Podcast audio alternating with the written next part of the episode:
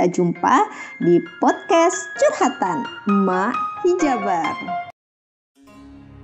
Abu Zar Al-Ghifari bagian keempat Melawan kezoliman dengan cara damai Semboyan yang terkenal Sampaikan kepada para penumpuk harta akan setrika-setrika api neraka Muawiyah sadar akan bahaya dan cemas akibat ucapan tokoh ulung ini. Tetapi ia pun paham akan pengaruh dan kedudukannya, sehingga tidak akan melakukan hal yang menyakitkannya. Segera dituliskannya surat kepada Khalifah Utsman. Ia mengatakan, Abu Zar telah merusak orang-orang Syria. Sebagai jawabannya, Utsman mengirim surat meminta Abu Zar datang ke Madinah. Kembali Abu Zar berkemas menyingsingkan kaki celananya, lalu berangkatlah ia ke Madinah. Pada hari keberangkatannya, ucapan selamat jalan dari layak ramai yang belum pernah disaksikannya selama ini.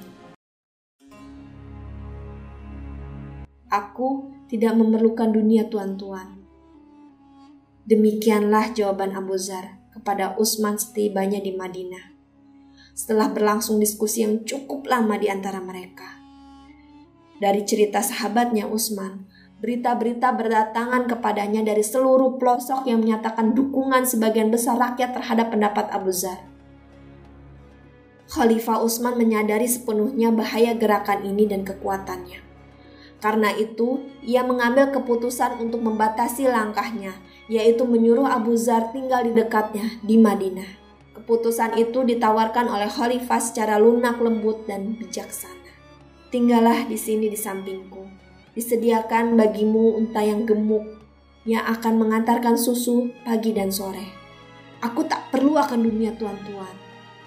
Ujar Abu Zar.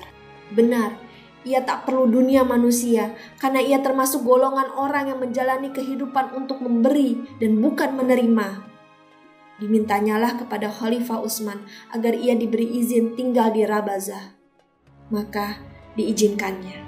Pada situasi hangat-hangatnya gerakan revolusi itu, Abu Zar tetap memelihara amanat Allah dan Rasulnya untuk tidak menggunakan senjata. Seolah-olah Rasulullah telah melihat masa depannya Abu Zar, maka disampaikanlah nasihat yang amat berharga itu.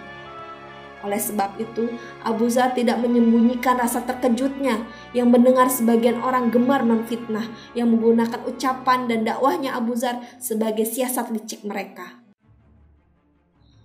Pada suatu hari, sewaktu ia sedang berada di Rabazah, datanglah utusan dari Kufah memintanya untuk mengibarkan bendera pemberontakan terhadap khalifah. Maka disemburnya mereka dengan kata-kata tegas. Demi Allah, seandainya Utsman hendak menyalipku di tiang kayu tertinggi atau di atas bukit sekalipun, tentulah saya dengar titahnya dan saya taati. Saya bersabar dan sadarkan diri. Saya merasa yang demikian itu sebaik-baiknya bagiku. Dan seandainya ia menyuruhku berkelana dari ujung ke ujung dunia, tentulah akan saya dengar dan saya taati. Saya bersabar dan sadarkan diri itu. Saya merasa yang demikian itu sebaik-baiknya bagiku. Itulah seorang pahlawan yang tidak menginginkan sesuatu dari duniawi. Ia melihat adanya bahaya dan bencana tersembunyi di balik pemberontakan bersenjata, maka ia menjauhi hal itu.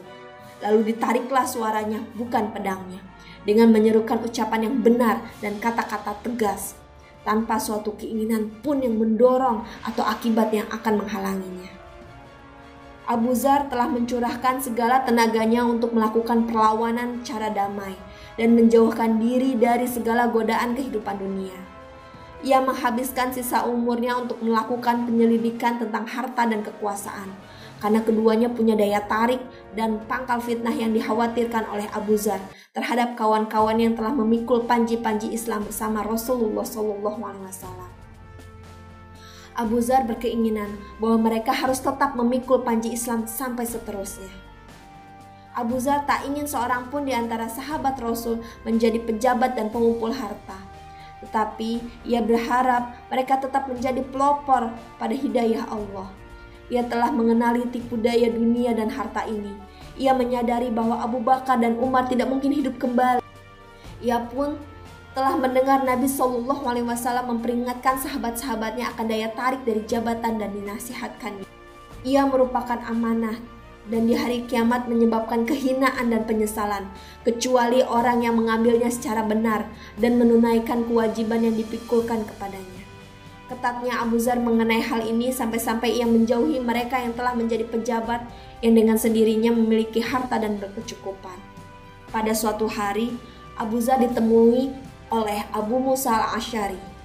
Abu Musa al-Ashari membentangkan kedua tangannya sambil berseru kegirangan dengan pertemuan itu.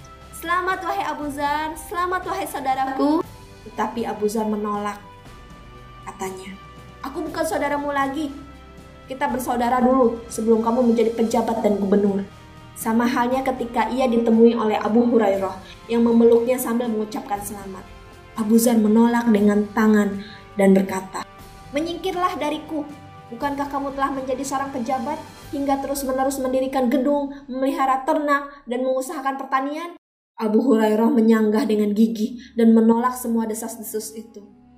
Ya, mungkin Abu Zar bersikap keterlaluan dalam pandangan terhadap harta dan kekuasaan. Tetapi ia mempunyai logika yang harus dikokohkan dengan kebenaran dan keimanannya. Seandainya sebagian orang melihat bahwa ukuran itu terlalu ideal yang tak mungkin dicapai, tapi kita saksikan Abu Zar sebagai contoh nyata. Dengan penglihatan yang tajam, ia melihat harta dan kekuasaan mempunyai pengaruh terhadap nasib manusia. Oleh sebab itu, setiap kebobrokan yang menimpa amanat keadilan dan kekuasaan dalam soal harta akan menimbulkan bahaya hebat yang harus segera disingkirkan. Dukung podcast saya dengan cara apa, Ma? Like, comment, dan subscribe. Jangan lupa klik tombol loncengnya.